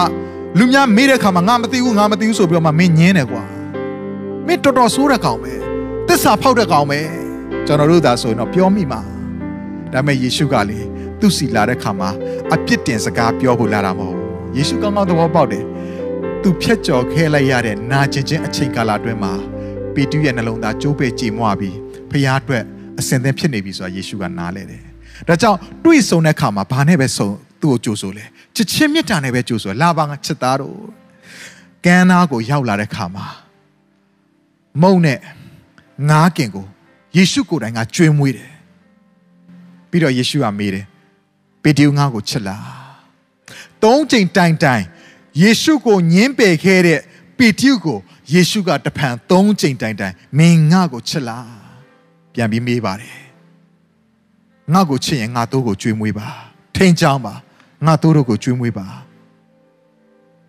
အဲ့ဒီစကားရဲ့နောက်ပိုင်းမှာ ယေရှုနဲ့တွေ့ဆုံပြီးနောက်ပိုင်းမှာငါရဲ့သခင်ကငါ့ကိုအပြစ်မတင်တော့သူဖြစ်တယ်။ငါဒီလောက်ဆိုးခဲ့တာတော့ငါဒီလောက်သစ္စာဖောက်ခဲ့တာတော့ငါဒီလောက်တာဝန်မကြေခဲ့တာတော့မှငါရဲ့သခင်ကငါ့ကိုချစ်နေသေးတယ်။ငါ့ကိုလက်ခံနေသေးတယ်။အိုးငါရဲ့သခင်ကငါ့ကိုတန်ဖိုးထားနေသေးတယ်ဆိုတော့သူသဘောပေါက်သွားပြီးတဲ့နောက်ပိုင်းမှာသူ့ရဲ့နာမည်ပေတရုဆိုတဲ့စကားတိုင်းအဲ့ဒီနောက်ပိုင်းမှာရင်းရိုင်ခြင်းမရှိတော့ဘဲနဲ့ကရှုကမှုတို့လှုပ်တဲ့လှုပ်ရံမျိုးမရှိတော့မရှိတော့ဘဲနဲ့ မရင်ချက်တဲ့အသက်တာမျိုးမဟုတ်တော့ဘဲနဲ့တည်ကြည်သောအသက်တာလေးနဲ့သောအသက်တာဝိညာဉ်ရေးရပိုင်းမှာဖခင်တယောက်ကဲ့သို့ခေါင်းဆောင်တယောက်ကဲ့သို့အသင်းတော်ရဲ့ဖခင်ဖြစ်လာခဲ့တယ်ဟာလေလုယာ နာကျင်ခြင်းနဲ့ဖြတ်တန်းခြင်းမရှိခဲ့ရင် तू ဆက်ပြီးရင်းရိုင်နေအောင်ပါပဲအခုတော့အဲ့ဒီနာကျင်ကြေကွဲခြင်းတွေကိုဖျက်ကျော်ပြီးတဲ့အခါမှာ तू ဒီရင့်ကျက်သောဝိညာဉ်ရေးရကောင်းဆောင်ဝိညာဉ်ရေးရဖခင်တယောက်ဖြစ်လာပြီးအသင်းတော်မြောက်များစွာယူဒလူမျိုးမြောက်များစွာဂျူးလူမျိုးမြောက်များစွာသူ့အဖြစ်3000 9000ပြောင်းလဲပြီးတော့မှယုံကြည်သူတွေဖြစ်လာတယ်လူတွေကိုမွေးဖွားစေတဲ့သူဖြစ်လာတယ်ဘယ်ရဲ့နောက်ပိုင်းမှာလဲနာကျင်ခြင်းရဲ့နောက်ွယ်မှာနောက်နာကျင်ခြင်းရဲ့လွန်မြောက်တဲ့အချိန်ကာလမှာ သူ့ရဲ့ဘဝတတကတကယ်ကို productive life မွေးထုတ်ပေးနိုင်တဲ့တန်ဖိုးရှိတဲ့တတာဖြစ်လာတယ်ကျွန်တော်ညီကိုမောင်မများကျွန်တော်ဒီနေရာမှာအားပေးခြင်းတယ်သင်နာကျင်ခြင်းကြုံတွေ့ခံစားရပြီဆိုရင်သင်ရဲ့ဘဝအသက်တာကိုနာကျင်ခြင်းကနေပြီးတော့မှမကြည့်ရှုပါနဲ့ကျွန်တော်ပြန်ပြီးပြောခြင်းတယ်နာကျင်ခြင်းအမြင်ကနေသင်ရဲ့ဘဝအသက်တာမကြည့်ပါနဲ့ နာကျင်ခြင်းအမြင်ကနေသင်ရဲ့ဘဝအသက်တာကိုကြည့်တယ်ဆိုရင်သင်ရဲ့နာကျင်ခြင်းတွေကနေသင်ဘယ်တော့မှရုံမထွက်နိုင်ဘူးချစ်တော်ညီကောင်မတို့ရုံမထွက်နိုင်ဘူးသင်နာကျင်ခြင်းကိုပဲအာရုံစိုက်နေတဲ့အခါမှာအဲ့ဒီနာကျင်ခြင်းကနေတစ်ဆင့်သင်ကသင်ကိုသင်ကြည့်တဲ့အခါမှာသင်အားမရဘူးမကျေနပ်နိုင်ဘူးခွင့်မလွတ်နိုင်ဘူးအဲ့ဒီနာကျင်ခြင်းကနေတစ်ဆင့်သူများကိုကြည့်ရင်လည်းပဲဘယ်တော့မှစိတ်မကျေနပ်နိုင်ဘူးအဲ့ဒါသူ့ကြောင့်အဲ့ဒါသူ့ကြောင့်အဲ့ဒါကြောင့်ဖြစ်လာတာအဲ့ဒါမင်းကြောင့် သူစကားပြောရင်လည်းပဲသူ့ရဲ့စကားပြောခြင်းကိုသင်အကောင်းမပြင်နိုင်တော့ဘူးဟိုကစေရနာနဲ့အကြံပေးဒါပေမဲ့သင်ကိုနှိမ်နေလို့သင်မြင်လာတယ်ဘာကြောင့်လဲသင်ထဲမှာနာကျင်ခြင်းရှိနေတာအဲ့ဒီနာကျင်ခြင်းကနေလူတွေကိုမြင်ရင်ဘယ်သူမှမကောင်းတယ်လို့သင်လက်မခံနိုင်တော့ဘူးနာကျင်ခြင်းနဲ့ကိုးကွယ်တဲ့ခါမှာလည်းပဲဖခင်ရဲ့မျက်မှောက်တော်ကိုတွေ့ကြုံခံစားပြီးဖခင်သခင်ကရမ်းချစ်တယ်ဆိုတော့နော်ဖခင်ရဲ့ချစ်ချင်းမြတ်တာထဲမှာကြားရမျက်ရည်မဟုတ်တော့ဘူးကိုတော်ကိုတော်ရက်ဆက်တယ်ကျွန်တော်ဘဝတော်မှာဒီလောက်တောင်ခံစားနေရတယ်ကိုတော်မသိဘူးလားကိုကိုကိုတနာတဲ့စိတ် နာကျင်တဲ့စိတ်နဲ့မျက်ရည်ကျတယ်မျက်မှောက်တော်ထဲမှာကိုးကွယ်ပြီးတော့မှဘေးကကြည့်တဲ့သူတွေကတော့ဟာဒီတယောက်ဖခင်ရဲ့မျက်မှောက်တော်မှာအရန်ကိုတို့ထီချင်းခံစားနေကြည်အောင်မျက်ရည်တွေနဲ့မျက်ခွက်နဲ့အမှန်တော့မဟုတ်သူ့ကိုသူအရန်တနာပြီးကိုဟိုနေတာဘာကြောင့်လဲနာကျင်ခြင်းနဲ့ကနေကိုဘဝကိုကြည်တာနှုတ်ကပတ်တော်နားထောင်ရင်လည်းနာကျင်ခြင်းနဲ့နားထောင်တာဒီနေ့တရားဟောချက်ကငါ့ကိုတက်တက်ဆောင်းပြောတာငါအကြောင်းကိုဆရာကသိတော့တရားဟောချက်ထဲမှာငါအကြောင်းထည့်ဟောတာဒီဆရာမတရားဘူး နာကျင်ခြင်းနဲ့ကျန်းစာဖတ်တဲ့ခါမှာကျန်းစာထဲမှာရန်သူရဲ့သွားကိုချိုးမယ်ပါးရိုးကိုနော်ပါးကိုချမယ်သွားကိုချိုးမယ်နော်အယိုးတွေကိုချိုးမယ်အိုးနှိပ်ဆက်မယ်ဒါတွေတွေ့တဲ့ခါမှာကိုတော့သူ့ကိုကောင်းကောင်းနော်မျက်စိထဲမှာကိုကိုနော်မကောင်းပြောထားတဲ့သူကိုကိုနာကျင်အောင်လုပ်တဲ့သူရဲ့မျက်နှာကိုပဲမြင်နေတာသူ့ကိုမြတ်တာပို့ရင်သူ့ကောင်းပေါ်မှာမိခဲကိုပုံထားတဲ့ကိုဖြစ်မယ်။အော်အရန်ကိုကြည်နဲ့စွာနဲ့အဲ့ကျန်းစာဖတ်ရင်ခွန်အားတွေအရန်ရနေတာ။ ဘာဘာနဲ့ဖတ်နေတာလဲ။နာကျင်ခြင်းနဲ့ဖတ်တော့ကျန်းစာရဲ့အနက်ဒိတ်ပဲကအပြည့်အဝမခံစားရတော့ဘူး။ရှင်းလင်းတဲ့ကျန်းစာရဲ့အဓိကအကြောင်းရင်းကိုမခံစားရဘဲနဲ့နာကျင်ခြင်းကနေကနေပဲအတိတ်ပဲဖော်နေတာ။ချီးမြှောက်မယ်ဆိုရင်အာငါ့ကိုချီးမြှောက်တော့မယ်အဲ့လူတွေရဲ့ထက်မှာငါရောက်တော့မယ်တွေ့ကြသေးတာဝိုက်ချိန်ကာလကြာရင်ဘယ်ချမ်းစာပဲဖက်ဖက်နာကျင်ခြင်းနဲ့ဖတ်နေတယ်ဆိုရင်အဲ့ဒီချမ်းစာကတင့်ဘွားသက်တာကို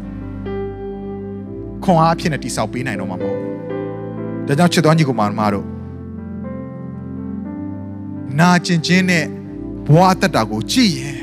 တင့်ရဲ့ဘွားသက်တာကလေအဲ့ဒီနာကျင်ခြင်းတွေကနေ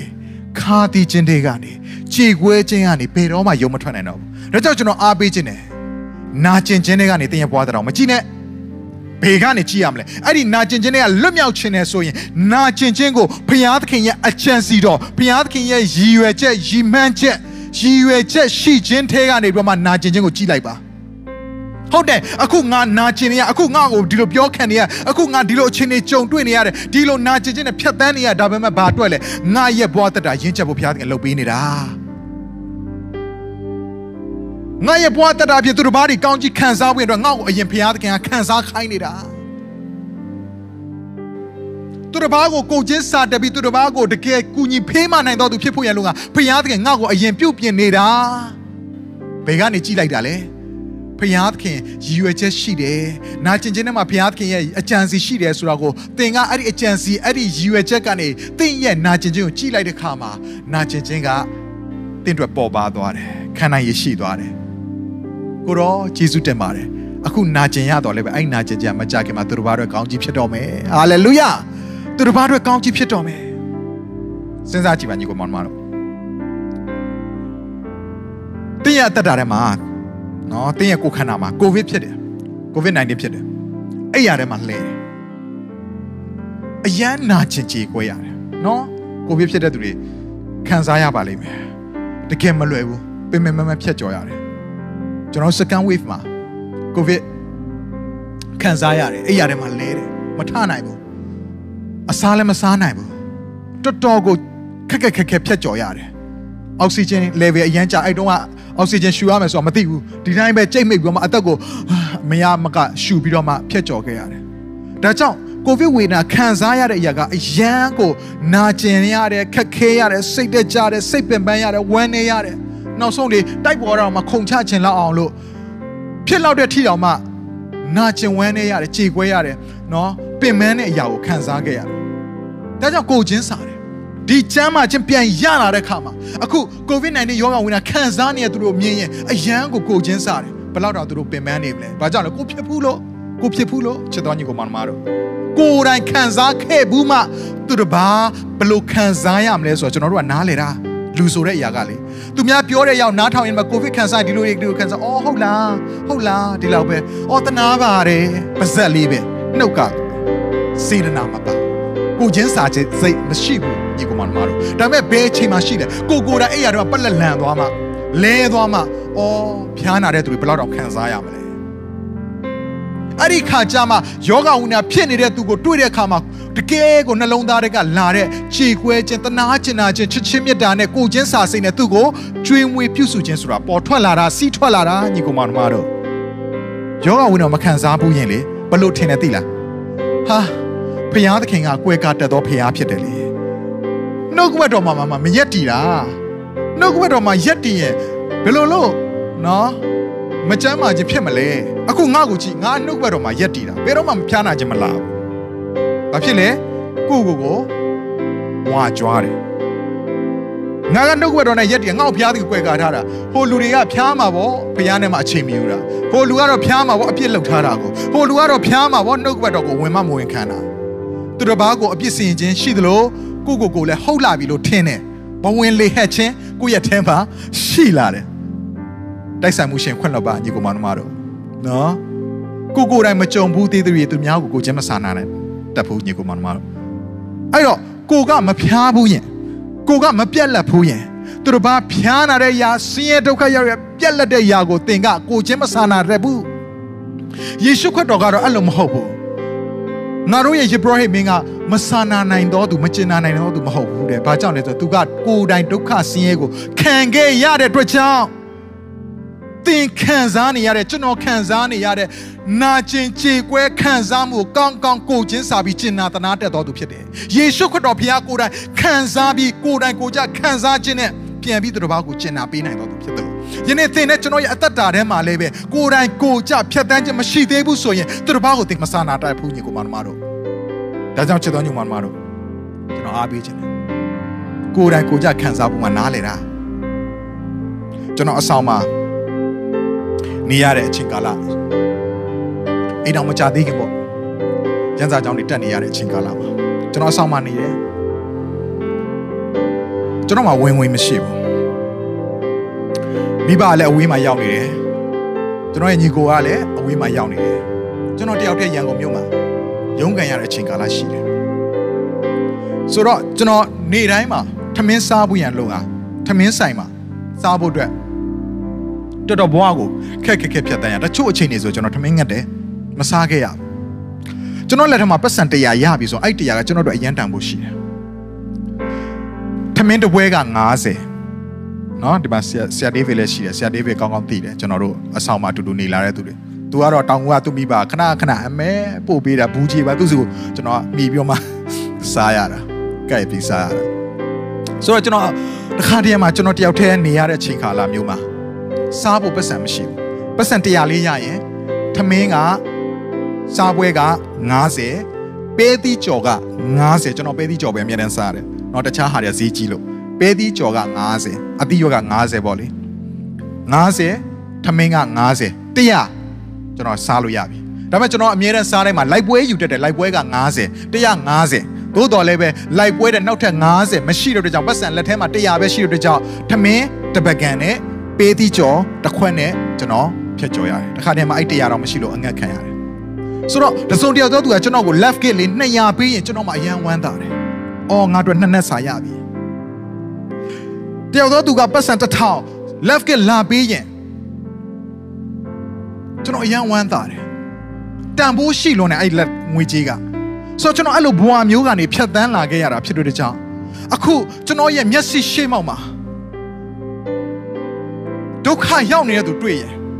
လက်ထဲမှာငွေကြေးပြတ်ပြီးတော့မှနော်ကျွန်တော်ကိုချင်းစာအဆောင်မှာနေပြီးတော့မှနော်ကြွယ်ဝချမ်းသာတဲ့သူကျွန်တော်မပြောပါဘူး မိဘတွေအရန်ဆင်းရဲတယ်ခက်ခဲပြီးတော့မှကို့ဘဝကိုစူးစမ်းပြီးတော့မှရက်တည်နေရတဲ့အဆောင်မှာနေတဲ့ចောင်းသူចောင်းသားတွေကျွန်တော်ကိုချင်းအရန်စားတယ်ဒါကြောင့်ကျွန်တော်အဲ့လိုဘဝကဖြတ်တန်းခဲ့ရလို့သူတို့ဒုက္ခရောက်နေတာတွေ့ရင်ဒီစုံတယောက်ကငက်ပြက်နေတာတွေ့ရင်ကျွန်တော်ရှေ့မှာတွေ့ကျွန်တော်မနေနိုင်ဘူးငွေကြေးလေးတရားကတခြားသောသူတွေအတွက်ဘာမှမဟုတ်ပါဘူးအိုက်တုံးကပေါ့အိုက်တုံးကတရားအခုတော့မရတော့ပါဘူးငွေကြီးလေးတရာကတခြားသောသူတွေလက်ဖက်ရည်ဆိုင်မှာလက်ဖက်ရည်တစ်ခွက်ဖိုးလောက်တော့မရှိပေမဲ့ အဲ့ဒီတရာကကျွန်တော်တို့ထမင်းတက်နဲ့ဖြစ်ခဲ့တယ်ဒါကြောင့်တစုံတယောက်တော့သူငွေကြီးလိုအပ်တဲ့ခါမျိုးကကျွန်တော်မျက်စိမလွဲမလွဲခဲ့မလွဲမလွဲရက်ခဲ့ဘူးတစုံတယောက်အကူကြီးလိုနေတဲ့အချိန်မှာကျွန်တော်သူ့ကိုမျက်နှာလဲကဲပြမလုပ်ရက်ခဲ့ဘူးအမြဲတမ်းကူညီပေးဖို့အစင်းသင်းရှိ။ဘာကြောင့်လဲကျွန်တော်ကိုယ်တိုင်အဲ့ဘဝကိုဖျက်ဆီးခဲ့ရလို့အဲ့ဘဝဘယ်လောက်တောင်ခံစားရခက်လဲဆိုကျွန်တော်ကောင်းကောင်းနားလဲတယ်။ချစ်တော်ညိုမောင်မတို့ကိုယ်တိုင်နာကျင်ခြင်းကိုခံစားဖို့မှသူတစ်ပါးကိုကိုချင်းစာပြီးသူတစ်ပါးကိုဖေးကူမဆနိုင်တော်သူဖြစ်လာတာ။ ဟာလေလုယာ။ဟာလေလုယာ။ယောဘရဲ့တငယ်ချင်း၃ယောက်ယောဘကိုအောင်းကောင်းကောင်းပဲပဲနဲ့နဲ့ဝိုင်းပြီးပြောကြတယ်။မင်းဖျားနဲ့မမှန်လို့မင်းခုလိုဒုက္ခရောက်နေတာယောဘကဖြည့်ရှင်းရှာတယ်ကိုမဟုတ်ပါဘူးငါဖះနဲ့လည်းအဆက်အသွယ်မှန်ပါတယ်ငါဖះပေါ်မှာပဲရက်တည်ပါတယ်ငါကအပြစ်နဲ့လည်းအပေးယူမလုပ်တဲ့သူပါအခုခံစားရဒုက္ခဝေဒနာအားလုံးကတစုံတစ်ခုဖះအကြံစီရှိလို့ဖြစ်ပါလိမ့်မယ်မရဘူးမရဘူးတငယ်ချင်း၃ယောက်ကအရင်ဖြောက်မှတ်တဲ့သူတွေ နော်ဘာသာရေးသမားတကယ့်ကိုနော်အရန်သူတော်ကောင်းတွေဖြစ်နေကြတော့မဟုတ်ဘူးနော်ယောဘမင်းခေါင်းမမာနဲ့ယောဘကိုခေါင်းမာတယ်လို့ထင်တယ်ယောဘကိုအယံကိုကိုအထင်ကြီးတယ်လို့ထင်တယ်ယောဘကိုဝင်းမခံတတ်သောသူလိန်ညာသောသူလို့ထင်ပြီးကောင်းကောင်းပဲ့ပဲ့နေနေပြောတယ်စဉ်းစားကြည့်တော့ယောဘနေရာကကိုခန္ဓာမှာယောဂဝေနာအပြစ်ခံစားနေရအနာစိမ့်တွေပေါက်နေတယ်အဲ့အနာတွေရဲ့နာကျင်ခြင်းကတစ်မျိုးမိမကဖြစ်သွားလို့တစ်မျိုးစွန့်ခွာသွားလို့တစ်မျိုးကျိန်ဆဲနေတာကတစ်မျိုး အခုအားကိုရမဲ့တငယ်ချင်းတွေလာပြီးတော့မှလူနာလာကြည့်တဲ့ခါမှာ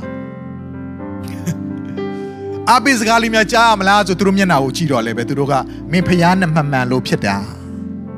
အပြစ်တင်စကားပဲကြားရတယ်ဖြည့်ရှင်းရှာတယ်မဟုတ်ဘူးနော်တယောက်ကပြောမင်းအပြစ်လုပ်ခဲ့လို့တယောက်ကပြောမင်းဖျားနဲ့မှန်မှန်လို့ဝင်ခံမင်းအပြစ်ကိုမင်းဝင်ခံနောင်တရမဟုတ်ရပါဘူးတငယ်ချင်းတို့ရဲ့ဘယ်လောက်ပြောပြောစဉ်းစားကြည့်ဒီလောက်နာကျင်နေရတဲ့ဝေဒနာကြားထဲမှာ ကျွန်တော်တို့ဆိုဖျားနာပြီဆိုတယောက်တည်းအေးစစ်စစ်နေကြတာလေဒါအခုအေးစစ်စစ်မနေရတဲ့ပြင်ဘေးနားမှာလာပြီးနော်ဖျားနေတဲ့သူဘေးနားမှာလာပြီးတော့နေကလေနေအပြစ်အပြစ်လောက်တာလို့လာပြီးပြောကြည့်ပါလားသင်ခံစားနိုင်မခံစားနိုင်ဘူးအခုရောပါလေအဲ့လိုပဲမခံစားနိုင်ဘူးဒါပေမဲ့အဲ့ရဲ့အနောက်ွယ်မှာအဲ့ဒီအရာတွေကိုလွန်မြောက်ပြီးတဲ့အချိန်ကာလတစ်ခုရောက်တဲ့ခါမှာဖြတ်ကျော်နေတဲ့အချိန်ကာလတစ်ခုရောက်တဲ့ခါမှာဘုရားကိုယ်တိုင်ကယောဘကိုစကားပြောလာတယ်အရင်ကားတဲ့နှစ်ဆကောင်းကြီးမင်္ဂလာကိုပြန်ပေးတယ် ဒီအရာကိုမြင်တွေ့ရတဲ့ခုနယောဘရဲ့တငယ်ချင်း၃ယောက်သူတို့ကိုယ်တိုင်မခံစားရဘူးပဲနဲ့တခြားသောသူခံစားနေရတဲ့အရာကိုအပြင်ဘက်ကနေကြည့်ပြီးတော့မှဝေဖန်ပြစ်တင်တဲ့၃ယောက်ရဲ့အမြင်အားလုံးပြောင်းသွားတယ်အသက်တာပြောင်းလဲသွားတယ်ချစ်တော်ညီကိုမောင်မတို့တခါတည်းမှာကျွန်တော်တို့အဝေးကနေအပြင်ဘက်ကနေတခြားသောသူတွေစီရင်တတ်တယ်ကျွန်တော်ကုန်ခဲ့တဲ့တစ်ခေါက်ကနှုတ်ကပတ်တော်မှာဝင်ငါခဲ့တယ်လို့ပဲကျွန်တော်လက်ဝါးကိုဒီလိုဖြန့်ထားတယ်ဆိုရင်ကျွန်တော်လက်ကိုဒီလိုဖြန့်ထားရဆိုသင်မြင်ရတဲ့အမြင်က တစ်မျိုးဖြစ်လိမ့်မယ်ကျွန်တော်ဘက်ကမြင်ရတဲ့အမြင်ကတမျိုးဖြစ်လိမ့်မယ်ကျွန်တော်ကဟာဒီနေရာမှာနော်အတွန့်တက်တွေနဲ့မာကြောတဲ့အပြားလေးတွေကျွန်တော်ရဲ့လက်မှာရှိနေလို့ပြောရင်သင်ကပြောလိမ့်မယ်ဟာမဟုတ်ပါဘူးဆရာရဲ့ဆရာရဲ့လက်ကပြောင်ချောနေတဲ့မျက်နှာပြင်ပဲကျွန်တော်မြင်ရပါဆရာညားနေတာဆရာကလိန်နေနေတာဆရာကမတရားပြောနေမဟုတ်တာရှောက်ပြောနေတာလို့သင်ပြောနေတယ်ဆိုရင်ကျွန်တော်ဘက်ကအမြင်ကတမျိုးဖြစ်နေတယ်နော်သင်ဘက်ကအမြင်တမျိုးဖြစ်နေလက်ပဲဒီလက်ပါပဲဒါပေမဲ့အမြင်နှစ်ခုမတူဘူး တခါတည်းမှာကျွန်တော်တို့ကတစ်ဖက်သက်မြင်တဲ့အမြင်နဲ့လူတွေကိုပြောဆိုတဲ့အရာတွေရှိတယ်ပြစ်တင်တဲ့အရာတွေရှိတယ်အဲ့ဒါကြီးကတခြားသောသူတို့နာကျင်စရာဘာပဲဖြစ်ဖြစ်ဒီနေ့မှာဘလို့နီးနေပဲသင်နာကျင်ခံစားပါလိမ့်စေဒါမှမဟုတ်သင်ကသူတို့ဘာကိုနာကျင်အောင်ပြောနေတဲ့သူဖြစ်တယ်ဆိုရင်နောင်တရဖို့လိုအပ်တယ်သူတို့ဘာပြောခြင်းကိုခံစားနေရလို့နာကျင်နေရတဲ့သူဆိုရင်လည်းပဲဒီနာကျင်ခြင်းကသင်ရဲ့ဘဝတက်တာကိုရင့်ချက်စေဖို့ဖြစ်တယ်ဒါကိုကျွန်တော်တို့ခံယူဖို့ဖြစ်တယ်ဟာလေလုယချစ်တော်ညီမမတို့ ဒါဝိဒ်ရဲ့နာကျင်ခြင်းတွေကနေပြီးတော့မှခုနှစ်နှစ်ခွဲဖြတ်တန်းပြီးတဲ့နောက်ပိုင်းမှာသူ့ရဲ့နှလုံးသားအဆင်သင့်ဖြစ်သွားတယ်။ကျယ်ဝန်းသောနှလုံးသားဖြစ်သွားတယ်။လူမြောင်များစွာကိုဝင်ဆန့်နိုင်တဲ့ကြည့်ရှုနိုင်တဲ့တိုးထိန်ကြီးတစ်ယောက်လို့တကယ့်ကိုတော်တဲ့ကောင်းမွန်တဲ့နှလုံးသားပြေဝတဲ့ရှင်ပြန်တစ်ယောက်ဖြစ်လာတယ်။ဘယ်လောက်ဆောင်လိုက်ရလဲ။ခုနှစ်နှစ်ခွဲပတ်လို့ လူတွေရဲ့သစ္စာဖောက်ခြင်းအိုးဒုက္ခရောက်ခြင်းပြဿနာမျိုးမျိုးရင်ဆိုင်ရခြင်းအနေမြအတက်ကြမြောင်များစွာဖျက်ကျော်ခဲ့ပြီးနာကျင်ခြင်းတွေနဲ့နေတိုင်းညတိုင်းမှာဖျက်ကျော်ခဲ့ပြီးတဲ့နောက်ပိုင်းမှာအချိန်ရောက်လာတယ်တိုင်းနိုင်ငံအားလုံးရဲ့ရှင်ပြန်ဖြစ်လာတယ်ဒိုနီလောင်ပဲယောသက်ရဲ့အသက်တာသူတစ်ပါးကိုအတင်းပြောတတ်တဲ့သူဖြစ်တယ် အကိုတွေရဲ့မကောင်းကြောင်းကိုဖခင်စီမှာပြောပြီးတော့မှသူကပဲသားသားကောင်းတယောက်လို့သူကပဲတကယ့်ကိုတော်တဲ့သားတယောက်လို့မျိုးဖခင်ရှေ့မှာမျက်နှာကောင်းရဖို့ရလုံကသူတစ်ပါးကိုကြောက်ချပြီးသူတစ်ပါးရဲ့အတင်းကိုပြောပြီးပြောတတ်တဲ့ယောသက်ဖြစ်တဲ့ညီကောင်မတို့ဒါပေမဲ့သူ့ရဲ့ဘဝတက်တာရောင်းစားခြင်းကိုခံရပြီးတော့မှနာကျင်ခြင်းတွေနဲ့ဖြတ်ကျော်ပြီးတဲ့နောက်မှာတော့နောက်ဆုံးအေဂုတုရဲ့အမြင့်မားဆုံးသောယာဒုနဲ့ရှင်ဘီရင်အခွင့်အာဏာရှိတဲ့သူတယောက်ဖြစ်လာတဲ့အချိန်မှာ သူကောင်းကောင်းသဘောပေါက်သွားတယ်။သူ့ရဲ့တငယ်ချင်းသူ့ရဲ့ညီကိုမောင်နှမတွေသူ့ရဲ့မိသားစုတွေကိုပြန်ဆုံတွေ့တဲ့အခါမှာခွင့်လွတ်နိုင်တဲ့နှလုံးသားဖြစ်သွားတယ်။ဘာကြောင့်ခွင့်လွတ်နိုင်တာလဲ။ဒီလောက်နော်တွင်းထဲကိုချတဲ့ရောင်းစားလိုက်တဲ့ညီကိုဘာကြောင့်ခွင့်လွတ်နိုင်တာလဲ။သူ့ရဲ့ဘဝအသက်တာကိုနာကျင်ခြင်းတွေကနေသူကြည်တာမဟုတ်ဘူးနော်။နာကျင်ခြင်းတော့ခံစားဒါပေမဲ့သူဘယ်ကနေကြည်လဲ။ဖျားသခင်ရဲ့ရည်ရွယ်ချက်ရည်မှန်းချက် အကြံစီတော်ကနေကြည်လိုက်တဲ့ခါမှာအော်ဘုရားသခင်ငါ့ကိုဒီလိုမျိုးအကုတိပြည်ကိုရောင်းစားပွင့်အတွက်အခွင့်ပေးလိုက်တာကတနေ့မှာငါရဲ့အသက်တာအဖြစ်ငါရဲ့လူမျိုးတွေကောင်းကြီးခံစားပွင့်အတွက်ဘုရားသခင်လုပ်ပေးတာဖြစ်တယ်ဆိုတဲ့အရာကိုသူမြင်တွေ့ပြီးတော့မှဂျေဇုတော်ချီးမွမ်းနိုင်တယ်ချစ်တော်ညီကိုမောင်မတို့ဒီနေ့သင်ရဲ့အသက်တာထဲမှာနာကျင်ခြင်းကနေသင်ရဲ့ဘဝအသက်တာကိုကြည့်ရင်တော့အမြဲတမ်းသင်ပူလောင်နေရလိမ့်မယ် သူတို့ဘာကိုစိတ်အလိုမကြတာဖြစ်လိမ့်မယ်။တင်းရဲ့ဇနီးတဲ့တင်းရဲ့ခင်မောတဲ့ကိုအမြဲတမ်းအပြစ်မြင်တဲ့စကားနဲ့အပြစ်တင်တဲ့စကားတွေပြောနေလိမ့်မယ်။တင်းရဲ့တင်းအုပ်ဆရာကိုတင်းအပြစ်မြင်လိမ့်မယ်။တင်းရဲ့ခေါင်းဆောင်ကိုအပြစ်မြင်လိမ့်မယ်။အိုးတင်းဘေးနားမှာရှိတဲ့လူတွေကတယောက်မှမကောင်းဘူး။အော်ငါ့ကိုတယောက်ကမှနားမလည်ပေးနိုင်ဘူးလို့တင်းမြင်ကောင်းမြင်တယ်။ဒါပေမဲ့ ဖခင်ရဲ့အကြံစီတော်ကနေတဆင့်ဖခင်ရဲ့ရည်ရွယ်ချက်ကနေတဆင့်သင်ရဲ့နာကျင်ခြင်းကိုကြည့်လိုက်တဲ့အခါမှာတော့ဩဖခင်သခင်ငါ့ကိုကောင်းစားဖို့အတွက်ဖခင်သခင်ငါ့ကိုရင့်ကျက်လာဖို့အတွက်ဖခင်သခင်ငါ့ကိုနှလုံးသားကျယ်ဝန်းလာဖို့အတွက် ငါရင့်ကျက်ခြင်းအပြင်သူတစ်ပါးကိုကောင်းချီးဖြစ်ဖို့အတွက်ငါပင်ပန်းခြင်းအပြင်သူတစ်ပါးကိုတတ်တာစေဖို့အတွက်ငါယောဂဝိညာဉ်ကိုခံစားခြင်းအပြင်သူတစ်ပါးယောဂဝိညာဉ်ခံစားနေတဲ့သူတွေကိုပြန်လဲဆွဲထုမဆာကူညီပေးနိုင်ဖို့အတွက်ငါအထီးကျန်ခြင်းအပြင်အထီးကျန်သောသူတွေကိုနှစ်သိမ့်ပေးနိုင်ဖို့အတွက်အိုးငါမှာသစ္စာဖောက်ခြင်းခံစားရခြင်းအပြင်သစ္စာဖောက်ခံရတဲ့သူတွေကိုပြန်လဲပြီးနှစ်သိမ့်ပေးနိုင်ဖို့ရလို့ငါဘုရားသခင်ငါကိုပြုစုပေးနေပါလားဆိုတာကိုသင်မြင်တွေ့တဲ့အခါမှာသင်ကျေးဇူးတော်ချီးမွမ်းနိုင်လိမ့်မယ်ဟာလေလုယာ ဘုရားနာမတော်ပုံကြည်ပါစေဟာလေလုယာဒါကြောင့်ချစ်တော်ညီကောင်ညီကောင်မတို့ကျွန်တော်နောက်ဆုံးကြားပိုက်လေးဖတ်ပြီးညီကုန်းချုပ်ချင်တယ်ဒီနှုတ်ခွက်တော်ကိုတေချာလေးနားထောင်ပြီးတော့မှအတူတူကဖတ်ကြည့်အောင်ဖတ်ကြည့်အောင်အတူတူကဖတ်ကြည့်အောင်ယောမအခန်းကြီး၈အငယ်28ဘုရားသခင်ကိုချစ်တော်သူဒီဟုသောကြံစီတော်မူခြင်းတိုင်အကြံစီနဲ့နော်ညီကောင်မတို့ရည်ရွယ်ချက်ရှိရှိနော် ခေါ်တော်မူသောသူတို့၏အကျိုးကို